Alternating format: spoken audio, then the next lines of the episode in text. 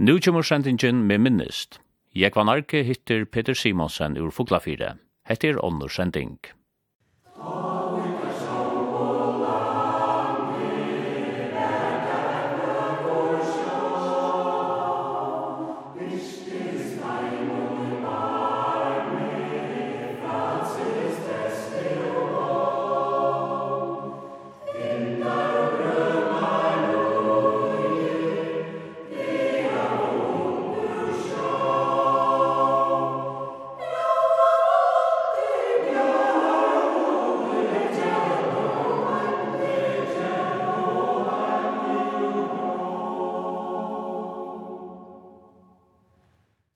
Peter, du bo i ødel badna og ungdomsvarene i Fuglafyren.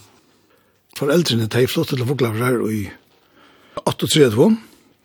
De hadde bo i Vestmanna, og så flott de til Fuglafyren i 38. Og så kan man spyrja seg hvor, vi flytta de til Fuglafyren. Og det kunne sikkert være nekvar fragrøyngar, men eh, det som jeg kom til, det er at papi ser Fuglafyren som en lotturhavn, og her er gau målager er for røya røyversim. Så han er langt sett ut i korset at han atlas seg at uh, bytja kjip og vera røyere. Han atlas seg for at han vegin. Så i tid TV tever ein pastor. Og her er det at vi er en maur som heter Vigar Rasmus, en av maur, som nok er veri en den fremste innanfor trål om det måndet. Det var helt greit, pape ville komme vekk fra, ikke bare bruka snøri og løgn, men ferdig til trål, Og han var ekkert avhåret tog som Vigar Rasmus tøkst vi. Og jeg mener at pappa var omkring skøye til Vigar Rasmus, og i samme vi tråd. Og kanskje en pastor har vært til at nå var man nærre Larvik, henne mamma kom. Det var så at omkring syster bo i Foklafri, om det er måned, så, så det er kanskje ikke å halvt at han skøye vi. Så de flyttet til Foklafri, og De flott i en hus som vi kallar Morsehus. Husen standa tatt vi her som Badnaheim i Søtnu kommer være. Ta er de fem folk, det var så mamma, pape, og så Asa, Otni og Marion, som Marion som var født i Vestmanna, Hineberg var født i Lorvik. Kanskje jeg kan sjå inn her, og at til hesa togene at de bæg vera antallige vakt, og de koma så at samlast i Silva. Vangsvekna er hendet her tøyen her de ble så antallig vakt. Hon er lukka som nekka som ganger atter tjøkken badnaheimen tjokken og ödle virkne og ærne tja mamma og pappa. Men så i Øynefjørd til jævla i Øynefjørd ta flytta teg og i sønne egnu hus ganske nær 30 meter fra her som det hadde bo fra manntane i mors hus. Og i det kallar vi det endevever og ta høyde nok vi, vi bakkagøylene som ta ta var nevnt alt.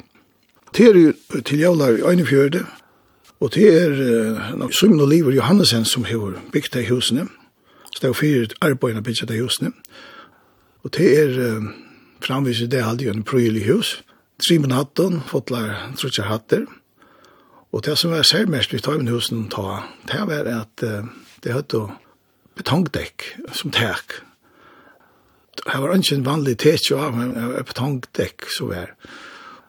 Og jeg åkne også om kvui, kvui det var. Og det var nok vera tog at det så var spære vi tilfære. Og samt og sementer man kanskje haft så mye at man kunne stoppe et betongdekk. Men det er aldri vid 17 årene mest, at det var ikke alltid så, så snilt.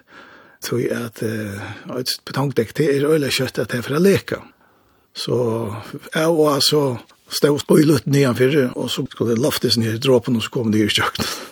Och anknar var enda plastpåsar hangte på under laftet för att täcka det ringaste. Men eh, hette var en äggliga moderna i hus vill jag säga efter tatuja matståtje. Här var el inlagt låg i øynefjörde. Elverskje og bygden kom ikke fyrir nødjefjörde, men papi hei så finnes seg en motor som kunde framleia el. Det el var først og fremst til husene, men det kom så øysene til onker andre hus i Grannaland. Huset har øysene mye stå hit, som aldri ikke så vanlig da. Det er altså at er så var kålforst, altså det er for oljeføring, så det er kålfort og mye stå hit. Og her var veser, hadde en tvei veser og bæ, så husene her ser jo i Øynefjøret har vært rettelig, rettelig framkommet. Ta i teg flyta og i husene her, ta er så fyra bøtten, da Anne er kommet av treet. Og Sigurd er så den først født i, i hesten i husen noen. Han er så født i 42, det vil si knapt år at han har teier flott i år.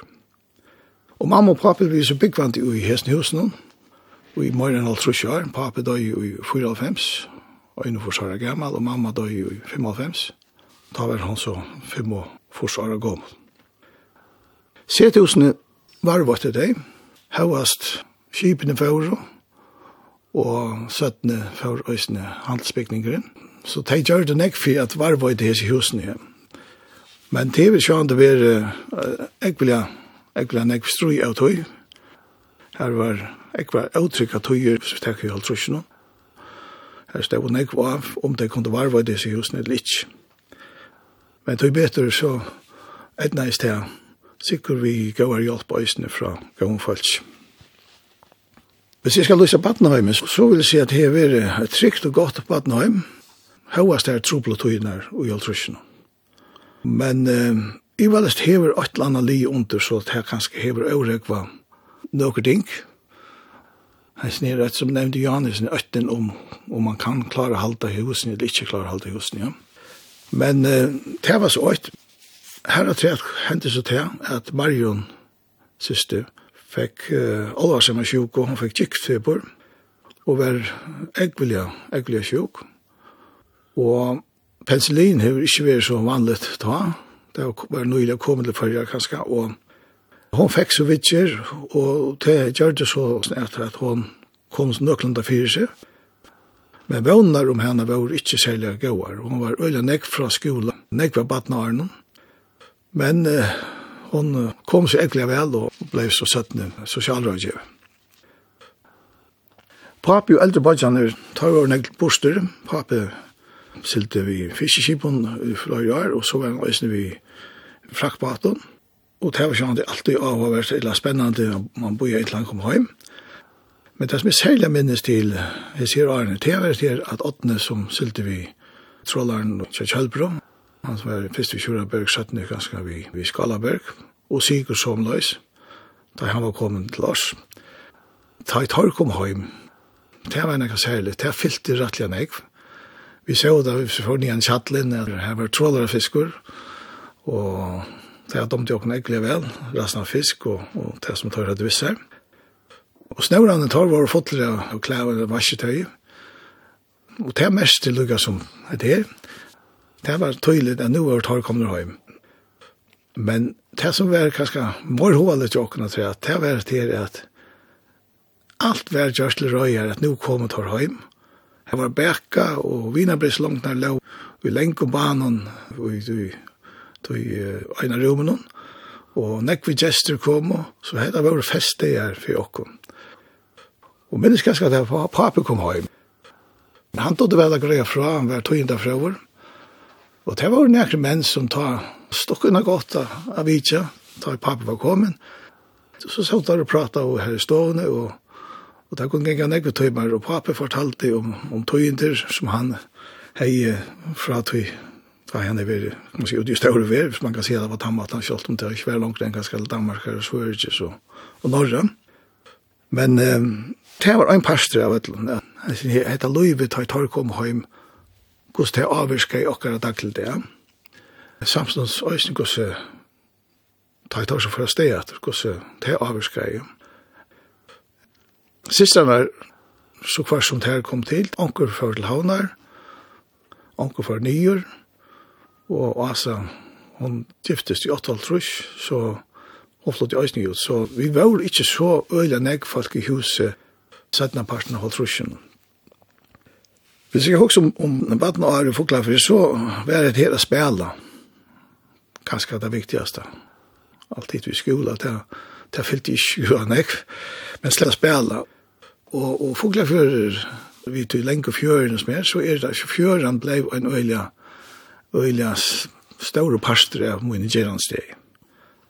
Man får om man fjørna for at fiska, blei vi trav og, og, og vi glopi og hva sånn Det kunne så eisen være sånn, ja, abrikvun som var rundt der fjøren. Men alt som fyllte øyne det var et her vi kunne gjøre flekar. Og det er kjent nekvast derfra, men, men jeg halte det var rettelig nekve flekar i Foglafri. Som er ekvelige snøtjer, er mer, mer primitiver. Og jeg halte det at jeg en av dem mer primitiver. Det var, man hei två plankar, hvor jeg og så hei man nekve fjallar som man delte som plankarna saman vi eller banta saman vi, og så stakk man en eller tver rosare blør inn og i, så det er uh, det er flætjeng og de halda seg opp. Og vi må si at vi da vi rettelig djerver, da vi får vi som flækken og til at vi da hadde omgang bjergjeng av vest, eller nekka nekka uh, trygg der utgjør. Og jeg dødde ikke svimme, ja. Vi rau halt ut av, ta øyne for minnes det, vi rau halt ut av russarna som lau ut i apotlene, og Så om foreldrene har haft en, en anelse av oss nere, ikke, det var det ikke, men, men, men det har gått ikke vært, vært godt hvis, hvis de oppdager av det her. Kajen var også en øyelig tøyende pastor av dere gjerandsteg. Her kom jo nekk skip av Foglafjør. Her var norrmenn, og her var ønsmenn, her var russere, og kanskje andre øysene. Og minnes særlig av normennene tar etter sånn norslig og snøkk og batene. Og det er så vidt, det er samlet bøttene på imisk kors ut av kjeipa. Ta samlet vi på tenstikrest. Vi tar etter seg her Tortenskjøls tenstikrestene, og så får vi bort til normennene og spør om vi kunne bo i dom. Og tar høyt og en rekve av imiskons løvene av tenstikrestene. Og det som var en, slags kapping akkurat middelen middeltrønsene, det var at det var så nekvar imiske tennstrekker. Og så var det stilla her på rad og rekke, og hvor er flest der, og hvor er mest fjellbrøytar tennstrekker. Eh, Åndsmennir, det var sinter øvelse, her man ser for boi, så munga man kanskje sinter etter uh, sjokolade eller, eller karamellen, og så røpt man om man ikke kunne få akkurat. Og så kunne det vi kvart takk og kasta nekker karameller, kasta neva av karamellen oppe på kajkanten. Og så får vi drønnsene rennande og for å få oss nekvar som gjør litt. Det ble sånn kamper, og det er grinn tog sånn etter så og kappast om å se karamellene. Russerne var sin ørvelse. Her, det var møverskip som lødde inn og få vatten. Og russerne var øyla fria men kom ikke alt i land, Men vi var også noen bår, og jeg minnes det at vi ikke sjaldan vi var noen bår og så film. Jeg var det at vi har sin propagandafilm i tøy, men, men det var så en oppleving til åkken tøy, det var ikke gjerans det var ikke film til åkken tøy. Jeg var ikke så glad, foreldrene var for at, at vi var noen bår, men, men det gjør det vi så. Men da jeg kom på land, så hadde jeg her, så hadde jeg nedvisser, og spent til her middelen två steirer, Og så spalte jeg balten på et nett. Og det vi, visste vi ikke hva dette var for dere. Men åkna ble så vi botner kom på i å spille det her. Spille ikke dem, og det var virkelig vinner liv på den måten. Men 17. så hadde her vi så oppdaget at dette var det som tar tak av volleybolt, eller vi 17. kallet flåbolt. Jeg skal ikke si at det ikke hever oss ni har sånn avvarskan 17. og det kan skal komme av et attertid grudge og alt det her så, som alle smadrødger kjenner fra Ibiskonbygden. Grudge med boilingene var ikke uvanligt. Men det som um, kanskje en stor måneder i det å ta, til at arbeidsplassene, og det var en parstri av gjerandstjeren til åkken. Her var Meka, som var et, en smia, her var Bedingen, og her var snikkarvisket til Jakob Olof. Og her stod alle steder overkommande ånge erkong, eller erkong banna for overkommande. Ja. Men han regler var ikke kaldan for okkur smadrønsene. Vi gikk og det og daglig inn og jeg ser støyene. Og minnes til dem, hvis vi snakker bedingsene, så hvis man kom her av vetrar tøy, og en kur plantje låtan for som kanskje ikke kunne brukes nekka.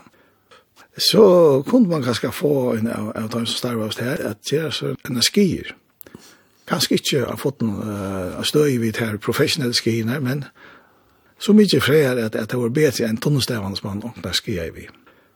Og det her at, at gjøre skøyter, det var opp til uh, Sniggarvision til, til Jakob Olof, og så lødde vi kanskje ja, under der, så at det kunne brukes som. Men så var det skåmakeren, det var akkurat år, så var det kanskje två eller två stå her, det var skåmakere i bygdene. Men uh, skåmakeren Johannes Jakobsen, eller Johannes Jakobsen som vi kallar bara skåmakaren. Han bor ju av en mellan skolan och, och badnarmjammer. Och det var inte självt han man stack in här och det var det knappt trutje man som arbetade som skåmakare. Men det minns härliga hessa tøyna ta under Beatan var i, i Ram i Nujandro Trush.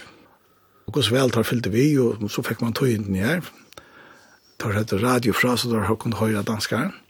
Og så var det enda her hentingen, særlig hentingen, ta i danskerne spalt og semifinalen mot Ungar. Enda her ta vi og det stod om reppi om danskerne kunne komme vujere i finalen eller ikke. Så han får et brottspark og, og hesten hender fram, han, han gjør til at han årekvar at han skal kjøta brottsparki og fyrir ut og klistrar og et tidsi kom og steira, eller stelpan. Og det tog så mykje av konsentrasjonen som var sned, at han brente brottspartiet.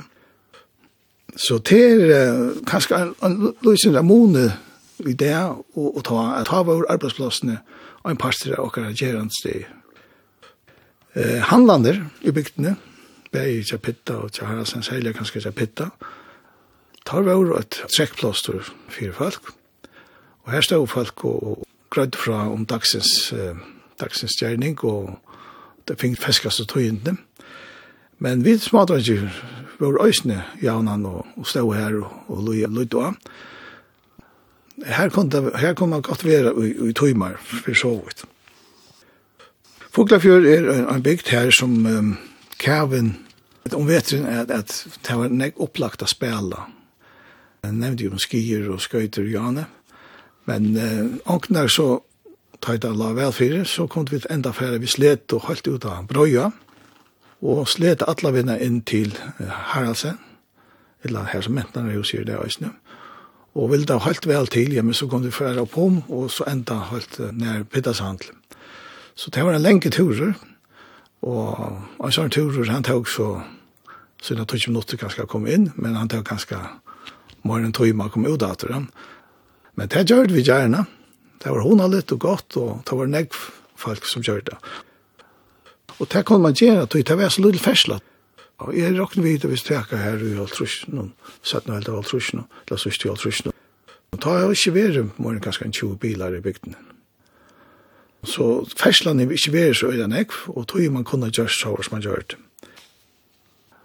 Vi badna her, og så, kan du nevnte jo, mamma og pappa, at jeg kom i Silva, og jeg minnes det at at jeg gikk ikke nekk vi sundagsskola, og her var gøy sundagsskolelærer, som var gau vi okkom. Jeg kan nevne Ålart, Ismar og Samme Petra Vierøy. Og alt som sundagsskolen tar gjør, det det var en færre utfører. sundagsskola utfører. Og det var lukket som et hattarpunkt. Men det var ikke vi moderne av bilen som det er. Vi fører på lastbilen til Palandria, så jeg var en tvær trutter, tvær benker våre, og et eller annet ganske mer. Så ble vi kvarter, åkna var ut, ja. Tofta vattnet, åkna mellom fjæra, og åkna bare ut, ja, kan stelle, eller hver dag kunne være, ja. Så kunne jeg ikke engang gjerne skjære og sånt. Og det var gode dager. Jeg var vi pappa, pappa selte vi Helme, og jeg var tvei sommer vi pappa, vi bei i Kjøyhaltrus og Nudjaltrus. Og hva var finna vært turen til, til Alborg, først. Jeg minnes det her at Da pappa sier, nu, nu narkas vi land, og jeg hittir jo, så ikke land. Men så, så vi, vi, så kjenner vi da så ikke at her kommer noen skorstøyner, og her kommer noen bøyer.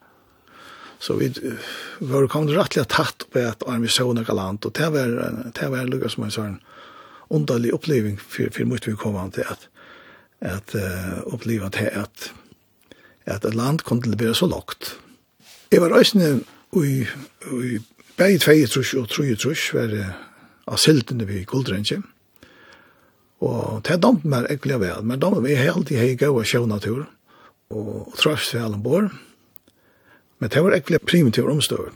Men en slottlig hending i tog sammenhengen var da vi skulle færa sted til så var det tru i trus. Fyrsta turen så skulle man stretcha trossa. Og ta fyrir vi så når enda fyrir Men det var akkurat om samme måndet ta i kongaskipet la enda fire, og kongsvidjan var enda fire, ja. Det var eldre bodjan som er, tar vi over og parstre oss ned, så andre kom vi bate, norr, og øren bate, og tar tog oss og mynter og, og enda film av oss ned, som åknar hur vi er framme og greier steg. Men jeg får så skola, som de fleste, Og vi begynte å ta det univera i april måned og i, i fyra altrus. Og han som var første lærer ta, det var Eliezer Reinberg. Han var en ekvelig myndige personer, og en som var nok så gemyttligur og høyter, så la snarere. Vi trivst vel sammen med honom. Her var òsne er lærer, som var sér at donalige faglige òsne og gode lærere. Sigur Herlof, og det var Arnold og Johan, og så er det kommet nekker Sinte Søtten i Holtan og Osper og, og Ærer. Og så kjente tar jo i seminærskolen begynner i 8.30, da kom så hadde nekker flere uh, yngre lærere. Men Lovisa, som er lærinta, hon var også lærere av Hedlund. Det gjør det til at da hun var vekk, så hadde vi det som vi kallar Stotteviko. Men det vanlige var så kallar vi så länge vik. Och för att se det som er så de är bedre stått vik. Här var färre timmar scheman og, og tog fikk vi fyrre fru. Og nei, man har ju vi näka minster nämen går. Kanske inte så orkar men skolatingen de hade fick rättliga gåan fri för mig alltså. Men skolen tar hever mester nekve av åttan et lærer. Det var sånn i salmaverset og og i uh, bibelsøv og katekismus og sånn. Men det var også nu i søv og enda i løyfrøy og landalær og det var veldig nek åttan et læra. Og det er kanskje var ikke min sterske søya og kanskje ikke fløy i øren også, ja. Og tog jeg var de som ikke har haft lært så vel, de har kanskje ikke alltid trivet så vel i, i skolan av det samme. Mm Og ein par av pedagogikken å ta av her, så er altså, de som ikke dødde noe vel, de skulle de kjønne flott og kanskje flott ikke opp i flokk, det var så en par De fyltes ikke hinnen i rokning eller, eller, eller hva det kunne være. Men eh, dødde du ikke salmanvers eller, eller bibelsø eller hva det nå var, så kunne du også risikere å si det etter. Og så hadde ta man følt det som en, en, en forferdelig straff, Jeg sier skulle jeg sitte etter, tog til han man var halv på sjord.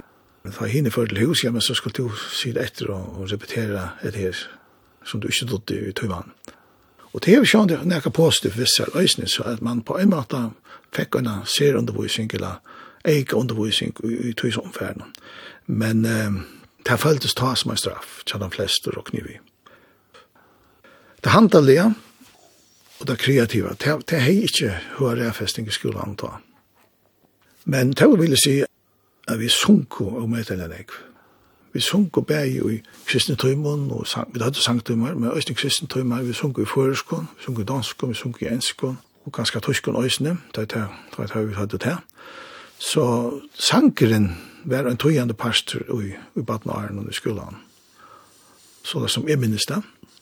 Og det er alltid hever smittet av atter og på, på sangløyvi og yla taunlagaløyvi i bygdene, at, at sangren var en sånn naturlig pastor i gjerans den i skolan. Onsdag et uidrat var ikke der best da. Her var ikke svimmeløykar høll. Ikke fyrir enn vi gikk i primærskolan eller i askolan, da byrja vi at uh, gjøre fimløyk nere i, i dansestående, og så tar jeg så fimløyk kom i fyrir trus, ta, ta sjander som ble så filmagradene i skolen.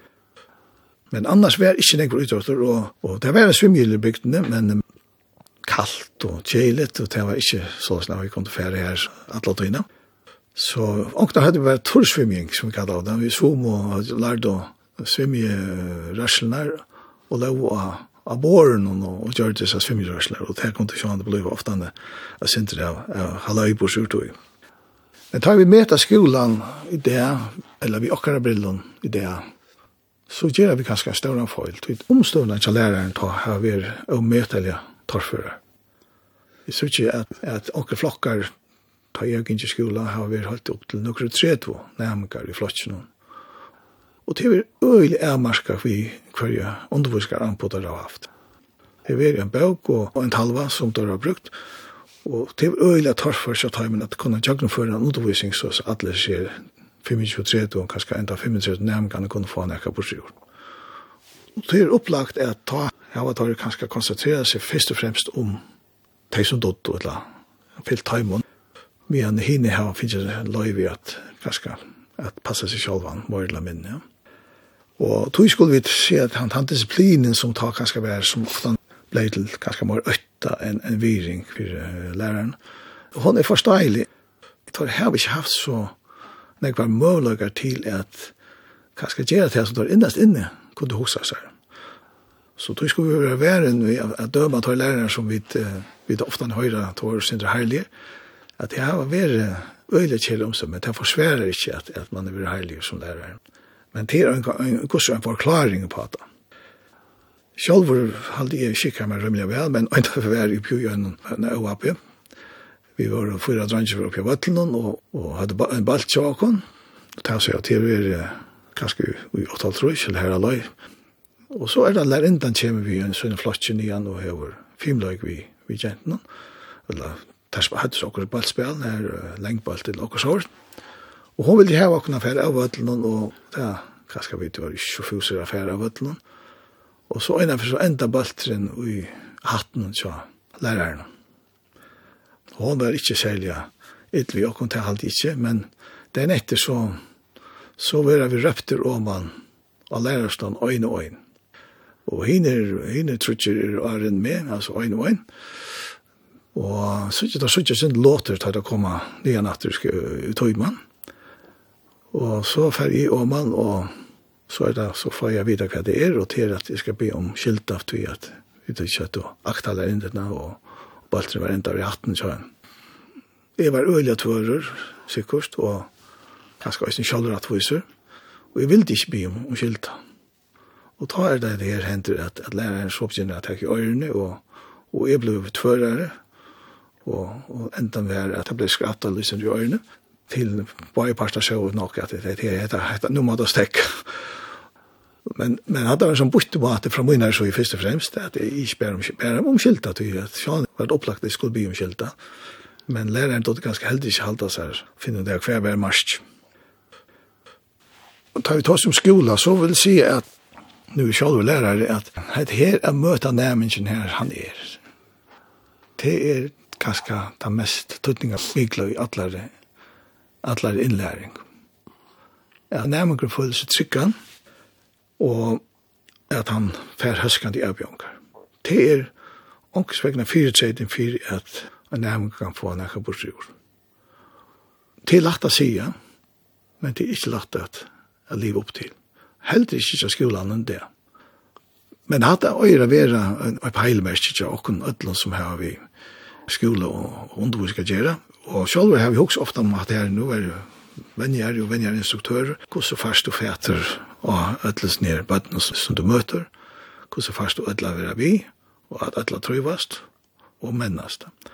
Og til alt det er den store avbjøringen til åkken ødlen som har vi bøttene gjør i hele tid. Og jeg synes som foreldre ganske. Jeg får så 17 i primærskolen, og vi i primærskolen så kom i 8 års her nødje lærer, og vi kan si at det var var, hvis vi kan bruke til året, var det nødje vinter. Det var nødje tøyer i skolan. Stå bygde det treet, atreat, den her 60 skolan. Og nærmere kom fra grannabygden, Larve Gøta, som gikk i skolan, og Øsne kanskje var enda fire, og, og eldre var Øysni, også nærmere. Det som var særlig tatt, det var at de bo i bygdene. Så fyrir sambandet selv til Lorgar eller Gøto, vi er så mykje avmarska, at nemmingene som skulle gjenge skola tar bo i bygden. Og det er på samme måte skapt et øyla godt omkvarve, så at vi som gjenge saman, flotje saman som kom fra sin imse bygden, vi var også saman i fritøyen. Så det har vi er Øysen er nekka positiv, sjalt om de kanskje kunne huske seg at bo heima, og det det skiljer man forferdelig vel.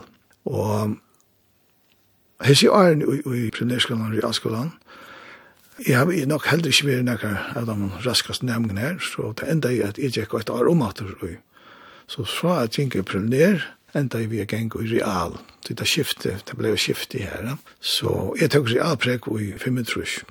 Men det minnes det at jeg tar nok ikke øren primær, at um, jeg skulle opp i evnafrøye, som det sørste faget, Det var jo snær om hun kunne fortsette et litt. Men lukka mykje, jeg fikk en, en, en karakter som ikke var for laver, og så at jeg tar møtte sikkert at jeg skulle gjenga til aromater. Men tog var 17. kom jeg alltid til å forklare som, som lærere, just i Ældes og evnafrøy. Så, så det kan forskjellig brøytast av løpsins av. Og, og det er alltid nettopp i mån til det vi som vi tar som, om, om undervisning. Bare mennast imist og Onker er tullig av ved, annar er sinte søttene. men uh, vi tog tøyene så ganske jaunast det sitter ut, og tog må man ikke avskriva bød som på nekra måte er sintur ganske søgn av ved, at tjev dem en chans, lukka at de fatt hei at det trivast, så skulle det nok komme fyrir.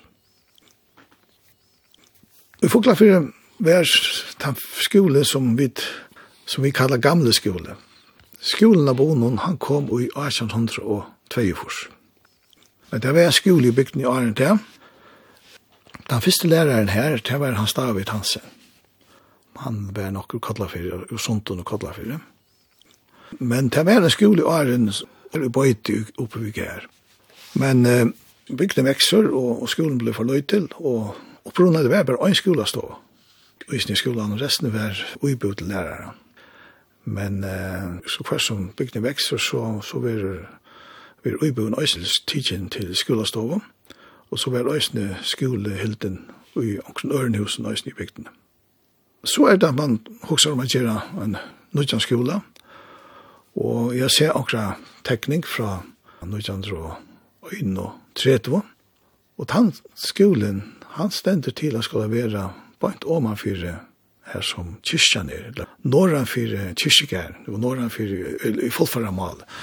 Eh norra för inte alltid norra norra för men men eh tar tala om att bitchen här eller till Lucas som la i och kosten att han möjligen skulle bitchast här och man för. Men man så valde bitchen här nya för att trönde. Vi hade det och skarsarryckor. Det var en stor, rymlig stor skole, vi seks stoven altså fyra pluss två her, og så var tjallarhatten, her var øysene plass, så det kunne være skole, skole stå her. Og det er nok Hofgård som steg i fyrt i skolen, teknikken tog i skolan. Han ble utbygd i 8.30, da i primærskolen kommer, og så i 4.30, ta verer en parstre av tog nødja skolan tidsen i bruk, eh, den skolen som er vesterfra tog eh, 6. skolan. Jeg kom så genka i tog skolan til skolar 4.30, 5.30. Det var så Palle Gregorisen som tekna i tannskolen. Søtten jeg kommer så tann som vi kallar nudgeskolen nu, at tann fra 2021, så var tidsen bruk i 2021. Og her er det så mapparkitekter som har teknan, og her er Rune som er fullfringer som gjør nok veri høvesmæren og vi tog i sammenhengen. Og tar heva så iverskriftene, og tar alltid blir iverskriftene for skolen, mer enn en skole. Men jeg vil si at skolen hever det som jeg vet om, være mer enn skolen fra klokkan 8 til klokkan 3. Det er alle tøyene vi lov i skolen. Her er vi kveldskole, her er vi imiske aktiviteter, altså begge handeskole og, og så satt ni øyne var handarbøy og filmløyker og hvert av søgn. Skolen var alle tøyene, det var lov i. Og i halvt det øyla tøyninga mye er at en skole fær til plasset i bygdene, at han er, et, han er en mentanar bedre i bygdene, så og så. Hvis det skulle være en konserter, eller at det var nekka, ja, men så var det ofte han i skolan. Så hese nødje skole, han lever bare opp til hese atlanda, at det er møyne skole, han hever sera gavar omstøver etter randene, og er en ekvile prøyler og gavar skole i Valest. Hva er det var til å tenke at du var liv i skolan? Jeg kan si at først at skoletøyen samanlagt var en egentlig gav tøy, vennende tøy.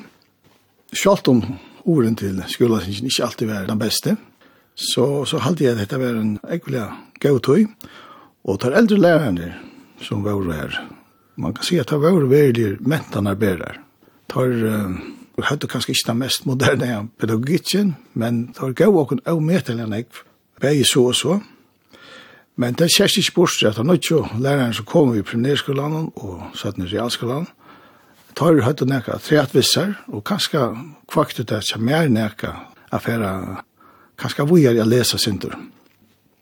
Ta var det ikke så vanligt at uh, ungfolk fører studenterskolen, og hvis jeg husker kanskje ta og mitt i trusjen, da jeg ble livet, Det var heller ikke alt som før og realskola. Det var ikke mange kanskje en helt av nærmere som var litt nykjent av flotjen for vi er i realskola. Og vi som ble li i realskola ta i 25 er alltid at vi var bare tvær som før vi er av studentaskola. Men det betyr ikke at vi ikke andre tok utbyggingar. Absolutt nek som tok utbyggingar. Anker blir skipsfører og styrmenn og skipare, maskinmostarer og, og handverskere av forskjellige slag. Vi stod som drønsnar og kjentnar. Her var flere som hadde en skrifte utbyggving, et eller annet for å sjukhusvegen, et eller annet onkel ble lærinta. Så det var ikke til at folk ikke tok utbyggving, for kanskje om det ikke var å være student. Om jeg ser årene ta vi, man blir livet i realskolen, det er at det er tappkjende bilismen å komme, og i kanskje aller først i Estrøden. og jeg minnes vel at bilen nummer 30, kom ta og i halde det var 25, kanskje hevde det var 26, men gos er ta om temmonte, så bilar var ikke vanlige. Og i det kom sier at nå er det ganske tredje å finne tredje bilar som bygd, kanskje sinde flere folk, så bilismen vaks av metalen ekv, Og det var en pastor av at vi er unger i Estrøtene, det var at køyre bil. Så vi køyrte rundt, vi har jo en vimmann som er sinde eldre enn jeg, som er i bil, og vi køyrte rundt dem i steg, Så det tok svin pastor av tøyene til åkken unger. Jeg var så liv i skolan, og horen til skolan var vaksen og synder. Og hoksa i synder den tekniske veien, hva skal synder etter innenfor verksrøye, men i alle føren nekka den tekniske veien. Og jeg arbeidet så et år, og kom arbeidet vi, til som vi kallar av tøvveien. Da vi er en gang fra Fagbosvedlund, heim i uh, Djekvara. Det er øyder nok myrmansvever, men vi vanlige fotfringer kallar bare tøvveveren. Det kom det til at han som stod fyrt i arbeid, han er Jakko i tøvene. Gjæra måneder rymde staurer, og det var rettelig krevjande arbeid. Her kom det være rettelig kittlig. Han ble kanskje skidig når han var malt og betank og hvert av søgnen. Vi minst av denne dagen, jeg var ferdig et ørent i skolan, til noe vi bort etter skolen tog, etter omkron og tingene som, som skulle bruke her oppe i ja, Da Jakko hei arbeid i Øysen i skolan, og Och så møtte jeg en lärare här. Han gick så så og På nyrett man så ser att jeg är skiten. Och så sier han, vet du vad det du gärst? Så fortäller han att jeg är på att höven. Ja, ja, ja, ja. Anko ska göra det. Och skilte så sådär att han helt at nå har jeg funnet mine rødt og hittel. Det här gör det ganska ösnigt att, att arbeta vi og hermar og sær og, og alle mulige anbån, det var nekka som germar og meddelan jeg, satt ni løven nøysen, det viste seg at jeg sjálf fra bytje hus, så, så fikk man nekka erfaringar herfra. At jeg så øysen ta satt ni om var i 36 for at arbeida vi at bytje huset. Det gjør det så øysen at, at jeg fikk nekka erfaringar av tog øysen som jeg har haft større glede av satt ni løven nøysen. Så det var lukka som endte tog inn i foglafsen.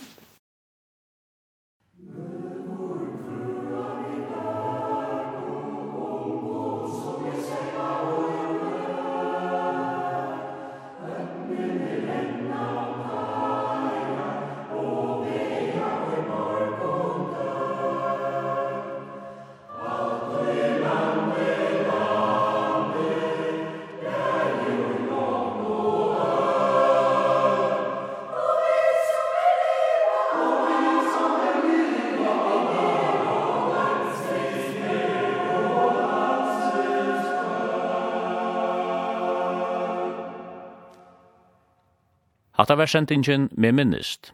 Jeg var narki hitte Peter Simonsen ur Fuglafire. Onnur sending.